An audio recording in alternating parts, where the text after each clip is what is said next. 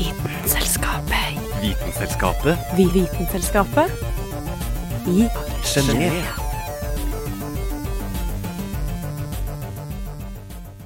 Selvlysende steiner, atomkjernenes form og antiprotone. En partikkel som har gitt oppdagerne to nobelpriser i fysikk. Vitenselskapet har vært en tur til Genéve og kommet tilbake med timevis av festlig fysikkprat om fenomener du ikke visste fantes. Vi har nøye plukka ut det beste av det beste, og presenterer her den tredje Genéve-sendinga i rekka.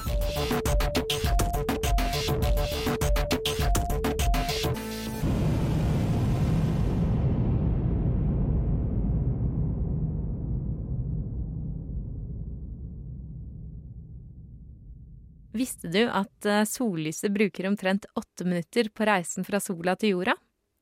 Det er like raskt som Enterprise-romskipet i Star Trek kan reise, dersom det reiser i warp-hastighet 1. Å kunne reise med lysets hastighet er imidlertid fremdeles bare noe som finnes i science fiction, og som sannsynligvis kun kommer til å eksistere der, i hvert fall en god stund til. Ved Isolde-anlegget i Cern jobber de med å akselerere partiklene opp i 10 av lysets hastighet, som fremdeles er sinnssykt raskt. Så hva kan man bruke en slik fart til? Jo, for eksempel til å finne formen på atomkjerner. The acceleration phase is actually brand new on the on the end for the first time this year. So we we started up just about a month ago. Um, so originally we had some uh, cavities to accelerate the beam to to to about seven percent of the speed of light, and now we have some new superconducting cavities to uh, to extend that. Now at the moment to 5.5 MeV per nucleon, which is a number you might not know, but it's, it's, it's, now we're going above 10% of the speed of light. Liam Gaffney, stipendiat og forsker ved Isolde, viser oss rundt på anlegget. Her suser partikler rundt i en voldsom hastighet, men det er det dessverre umulig å se. For å undersøke partiklene skaper forskerne en reaksjon mellom den superraske strålen og et mål, eller target. Targeten kan f.eks. være en folie som strålen treffer. So the ion beam is coming in now at, at around 10% of the speed of light. And then inside the chamber we have um, a target foil. So depending on what, what foil you put in there, you can make different reactions. You also tune the energy. And so at the moment we have zinc uh, 78, which is uh, neutron rich. So and it's got a half-life of uh, a few, I think, one and a half seconds. So we, we're extracting it there, and we're really collecting it and doing the whole process and accelerating it and delivering it here in a, a few, well, milliseconds, let's say. Elektronene strippes vekk, slik at det er kjernene i atomet som treffer hverandre. Eller treffer hverandre blir vel egentlig å overdrive. Vi we have high enough energy that we we don't really see the electron nå, so much. But the nuclei now, the, the nuclei inside actually come very close together. But we tune in our energy. To, I say it's high energy, but it's not too high energy, and that means too high where they actually come so close together that they touch, and then you can have fusion, uh, like what happens in stars. So we're not at this high energy or like the LHC where they just smash it apart. So we're we're being more precise and careful with the energy. So they come close together, but they don't touch. Kjernene krasjer altså nesten, noe som skaper en reaksjon som kalles column excitation. Det betyr at den positive spenningen i de to kjernene påvirker hverandre og på en måte opphisser hverandre. Dette skjer veldig raskt og varer veldig kort, men ringvirkningene av denne reaksjonen er noe man kan måle. After immediately after the excitation, essentially they decay again. But now they decay by emitting a gamma ray, and that gamma ray we detect in the in these uh, germanium crystals here. And at the same time, we we detect the particles which are scattered at angles are, are all around uh, 100, uh, 360 degrees. So we can correlate the particles and the gamma rays and trace them back, and we can basically reproduce the reaction that happened. Ved å registrere gammastrålingen og hvordan partiklene har spredd seg, kan forskerne dedusere seg tilbake til hvordan atomet var da det nesten smalt. Dermed kan de finne ut hvilken form atomkjernen hadde. For selv om de fleste figurer som du har sett av atomer sikkert viser at kjernen er rund, er dette faktisk ikke det som er vanlig. So this is really a kind of fundamental physics interest where, where we want to know what shapes the nucleus take on depending on how many protons and how many neutrons we have. So the simple naive picture of a spherical nucleus is, is actually very rare. We, it's almost never you almost never see a spherical nucleus. Most are actually prolate, which looks like this kind of uh, like a rugby ball. Or if you squash the rugby ball down, you get an, an oblate, which is kind of like the, the shape of the Earth, which is slightly squashed at its poles. Even pear-shaped And- exotic. And then even pear-shaped, which is uh, the most uh, exotic type of shape that we've discovered here.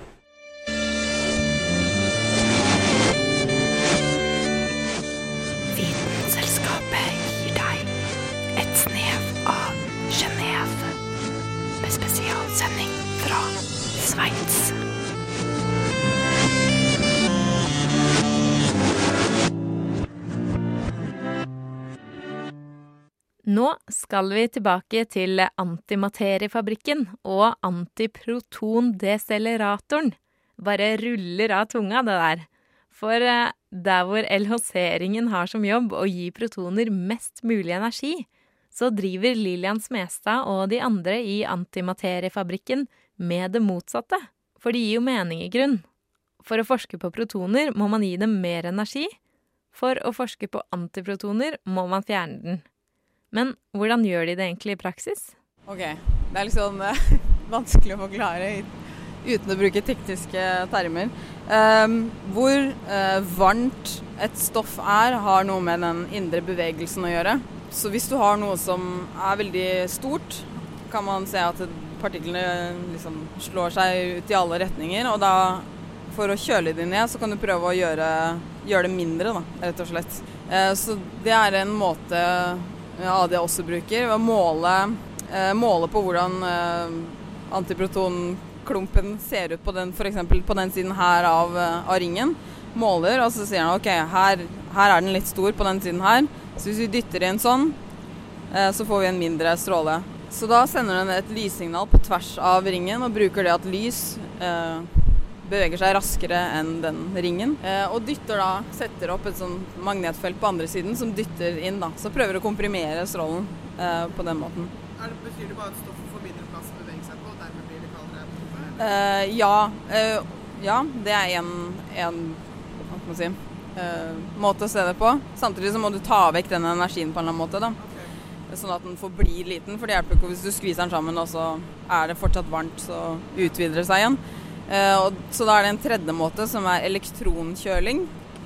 Så du rett og slett eh, skyter masse elektroner på mange måter likt som de gamle TV-apparatene. Hvor du har en sånn elektronkilde i bakgrunnen. Um, så du skyter inn masse elektroner inn i antiprotonstrålen, og de kolliderer med hverandre. Siden elektroner og antiprotoner har samme elektriske ladning, så vil ikke de kansellere hverandre ut. De annihilerer ikke. Så da kolliderer de, og uh, elektronene får da noe av energien til antiprotonene, og blir uh, dumpa igjen, da, altså blir uh, liksom kjørt ut. Så på en måte stjeler litt av energien til antiprotonene. Og så gjør du det her i mange runder. Omtrent 100 sekunder tar en sånn sirkel, da. En sånn runde. Og da har du fått ned eh, antiprotonene til noe som heter rundt 100 megaelektronvolt. Altså, ok, vi liker Partikkelfysikere liker denne elektronvolt-måten å se på energi på. Eh, dessverre så er det alle, også altfor høyenergetisk til hva vi kan bruke i eksperimentene våre. Eh, Så vi må sette opp en ekstra kjølemetode. eh, Som rett og slett eh, Ja, veldig sånn rå kraft, eh, dårlig metode, da. Men eh, vi setter opp en eh, litt sånn sånn aluminiumsfolie du kjøper i butikken, egentlig. Bare en sånn tynn eh, metallfolie. Skyter antiproton gjennom, så mesteparten vil jo da annihilere, fordi det er materie. Så mesteparten vil bare dø i den folien. Men de få som har så energi at de klarer å komme seg gjennom, og den er veldig tynn, den her folien, eh, de har da lav nok energi til at vi kan fange de. Fordi det er basisprinsippet i så å si alle de eksperimentene her inne i ringen, er at de skal fange antiprotonene i såkalte partikkelfeller. Hvor lenge klarer dere å beholde, beholde de? Eh, og i det spørs på hvor godt vakuum du har. Eh, Base, det ene eksperimentet som er bak dere her nå, eh, har vel rekorden på det. De kan holde antiprotoner i flere måneder. Ja, Så de har ekstremt godt vakuum. Det er et veldig kult eksperiment. Base er skikkelig sånn underdog her. De kom seint og er et lite eksperiment, men de gjør det veldig bra. Veldig kult opplegg. Uh, mens uh, vi andre opererer på en litt annen måte, da. Så vi har lyst til å blande de her antiprotonene med positroner, eller antielektroner, for å skape antihydrogen. Og da holder vi jo ikke så lenge som det, da. Da bruker du liksom ja, kanskje ikke hver sykkel, men hver andre eller noe sånt noe. Eh, og det med vakuum er jo noe av det som gjør det så utrolig utfordrende å jobbe med antimaterie, for du må ha ekstremt godt vakuum. For hvis du har noe som helst restgass i denne eh, partikkelfella di, så vil antiprotonene møte restgassen, og da er de borte. Da kan du ikke gjøre noen målinger på det. Um, og det er liksom Det er drøyt godt vakuum du trenger, da. Uh, det er så godt vakuum at du kan ikke måle det med noe instrument annet enn antiprotonene. det er liksom ganske sprøtt. Så det var litt festlig historie, da. Vi hadde for noen bare festlig, ja det kan man jo diskutere, men For et par uker siden så hadde vi et problem med vakuumet vårt, og de her vak eh, eh, trykkmålerne våre da, på utsiden de viste veldig godt vakuum. Altså 10 minus 11 millibar. Eh, hva blir det, da? Guri malla. Ja, noe sånn som 100 000 milliarder eh, gang mindre enn romtrykk, da. Som er jo For oss er jo det perfekt vakuum, sant. Men ikke for antiprotonene. Så de viste ikke noe problem, men det viste seg at inni fellene så var det eh, Ja, det var det, det trykket, da. Og det er fortsatt for høyt for antiprotonene. Da. Så det, de trenger bare helt vanvittig godt vakuum. Så det har du den minste lille lekkasje, så er liksom eksperimentet Ja ja, da må du varme opp og åpne opp og Så det er ja, utfordringer da, med å jobbe med antimaterie.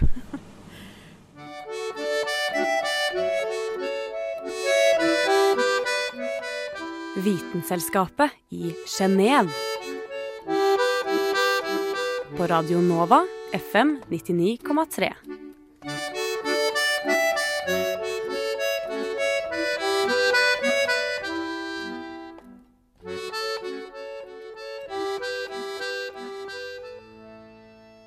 Antihydrogeneksperiment, gravitasjon, interferometri, spektroskopi eller EGIS, da.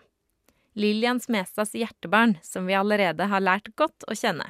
Men i antimateriefabrikken er det flere partikkelfysikere som lusker i skyggene, bak kule akronymer som alfa, A-trap og base. Og hva har et faststripsa plastrør å gjøre med det hele? Ok, jeg sa uh, vi hadde fem eksperimenter her inne. Aegis så dere akkurat, det var det vi gikk forbi. Rett bak dere har dere alfa. På toppen der har vi A-trap, som da bygger på det trap-navnet. Felle. Eh, Asaxa. Og base er eh, Ser dere nesten ikke, men det er liksom Hvis dere ser de her to sølv... eh, Hva heter det på norsk? Tankene. Med, det er liksom rett der nede er det de har eksperimentet sitt. da. Så de her eksperimentene de prøver jo da å se på antimaterie på litt forskjellige måter, som jeg sa. Alfa gjør eh, spektroskopi med røntgenstråling. Det er ganske speisa. Eh, så de er eh, på et sånt stadie at de kan fange antihydrogen også.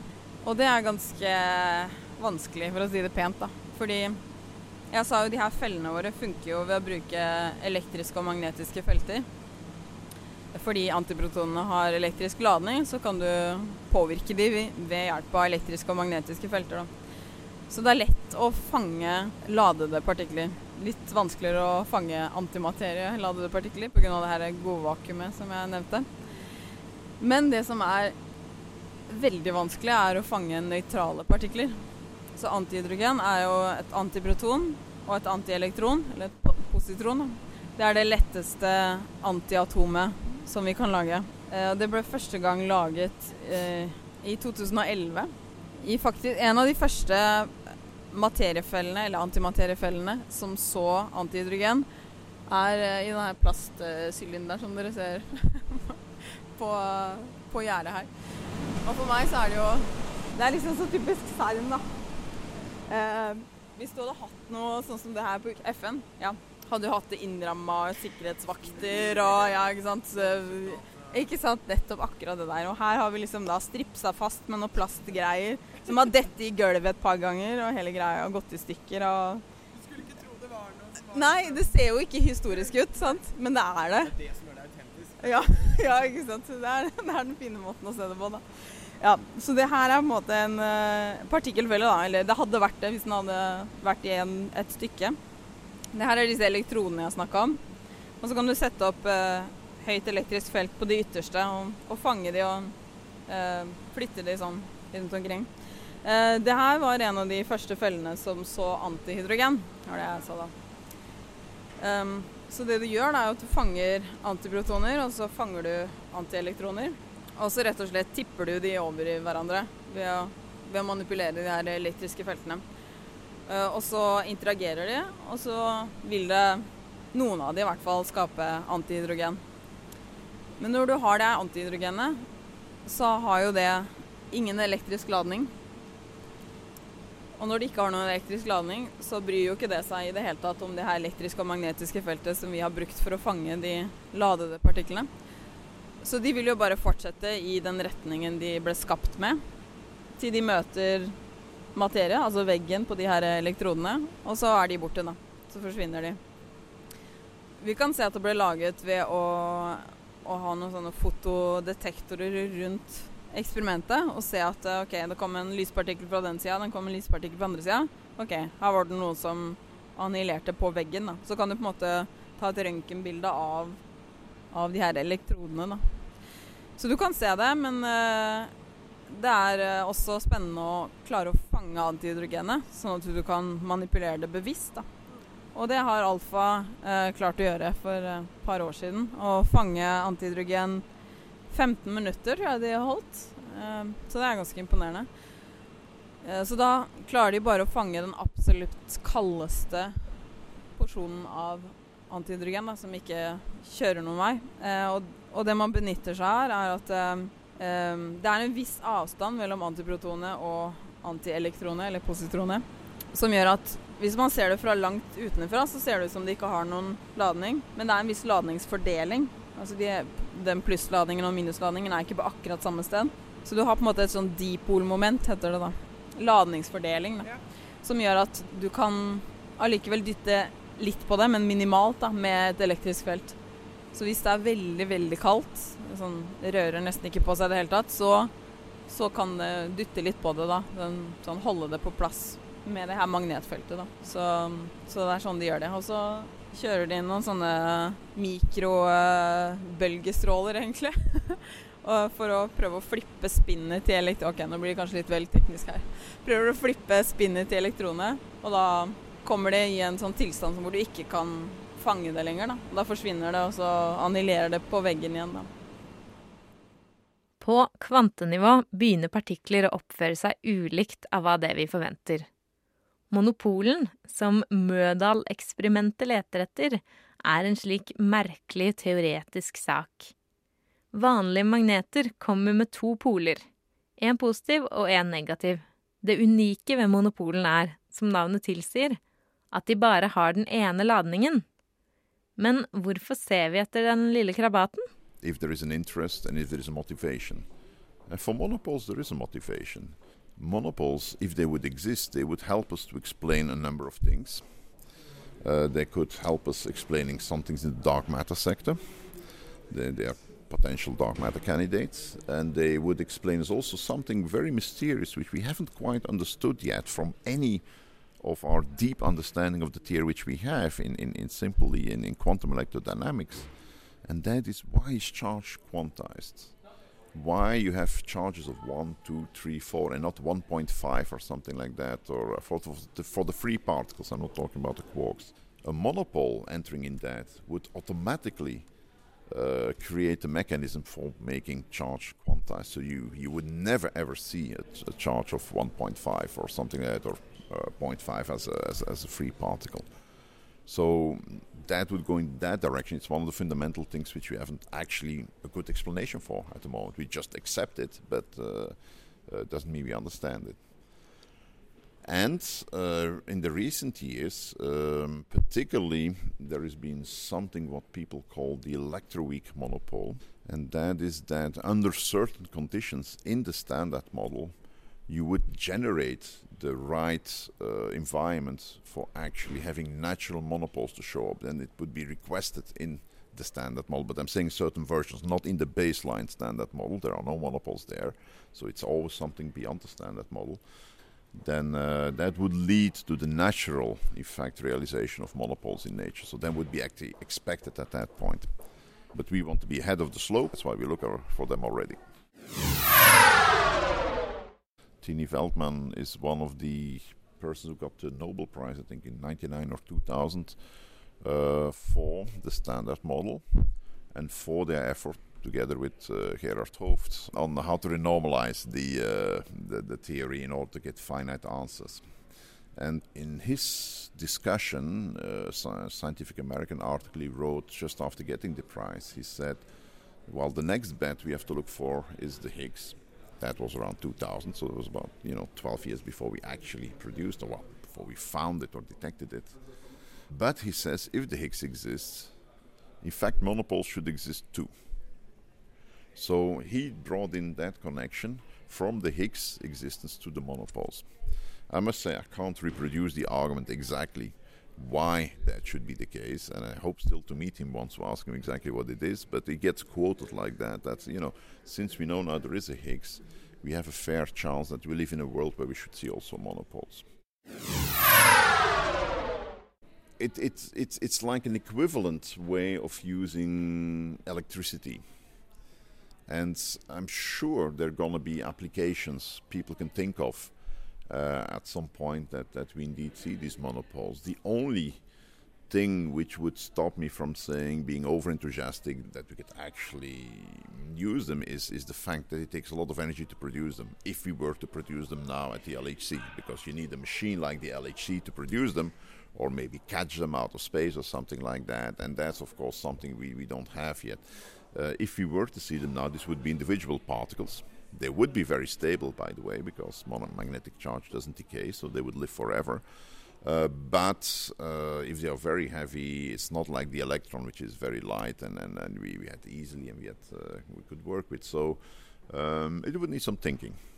But in principle, it gives a new dimension of possibilities, I think, which I'm sure, uh, you know, Apple or others will find out some ways of applying that. I think once we would see a monopole, then all this thing will break open what the monopole is actually doing for us, apart from making the equations elegant and uh, proving that if something can exist, it does, or something like that.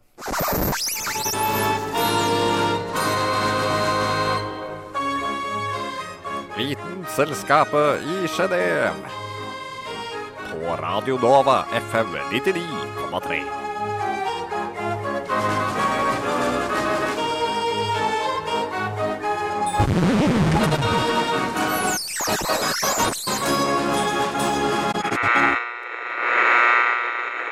For de av dere som følger oss på Instagram, har dere kanskje lagt merke til at vi har lagt ut noen litt merkelige bilder fra Naturhistorisk museum i Genéve.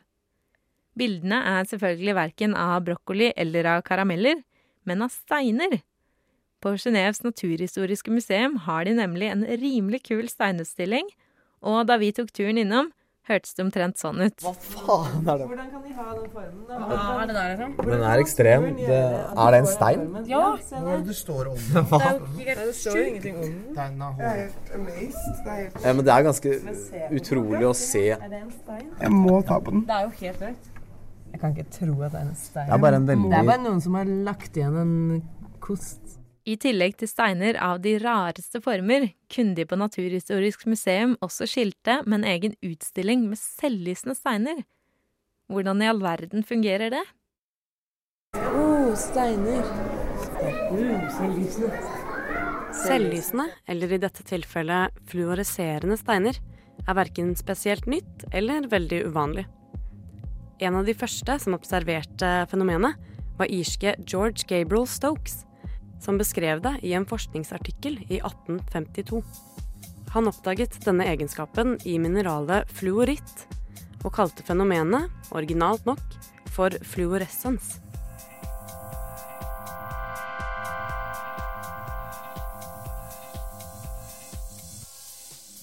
Mange eksemplarer av fluoritt har så sterke fluoreserende egenskaper at man kan se en fargeendring bare av å ha de litt grann i sola, og så flytte dem inn i skyggen. Wow. Men for de fleste fluoriserende mineraler er ikke denne egenskapen så sterk.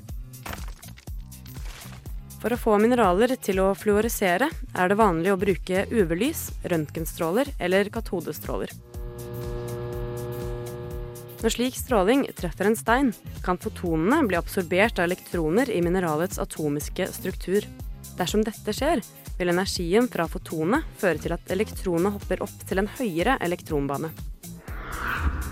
Når elektronene så faller tilbake igjen til sin opprinnelige elektronbane, vil det samtidig frigi energi i form av et foton med lengre bølgelengde enn det som opprinnelig traff elektronet.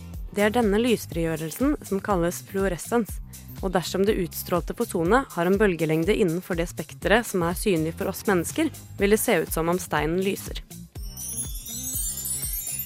Fargeendringen til fluoreserende mineraler er mest spektakulær når det er helt mørkt og man lyser på steinene med UV-lys.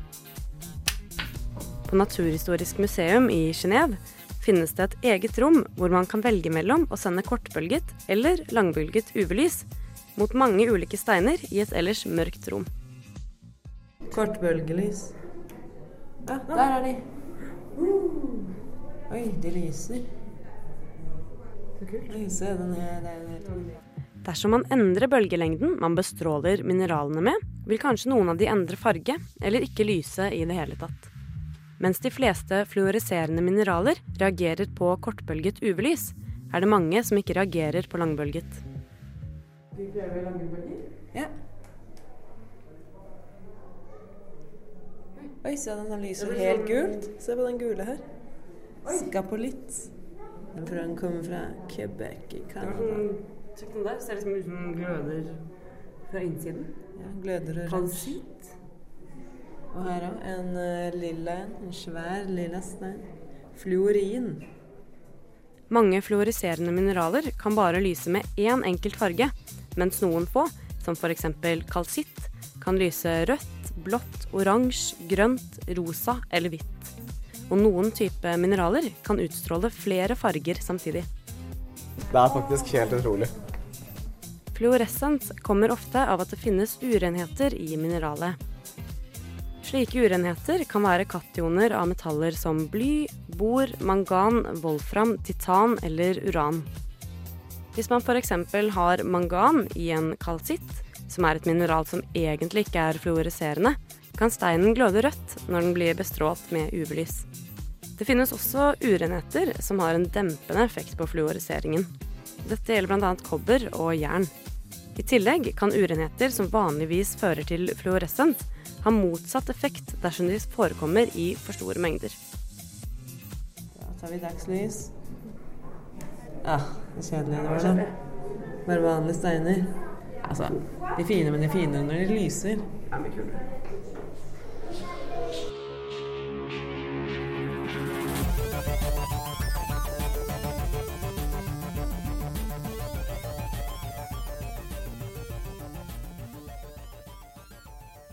Er du interessert i å høre mer av hva vi hadde med på opptakerne tilbake fra Genéve?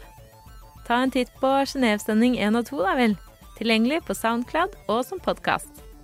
Denne serien er blitt til med støtte fra Medietilsynets tilskuddsordning for lokalkringkasting. Og de som har intervjua, klippa og limt sammen denne radioserien, har vært Lise Reide Risanger, Carl Adams Kvam, Kristin Rydland, Dag Løvold Magnussen, Johanne Furuseth, Ida Vassbotn, Sunniva Blix, Dag Dramer og undertegnede Hanne Grydland. Du har hørt på Vitenselskapet.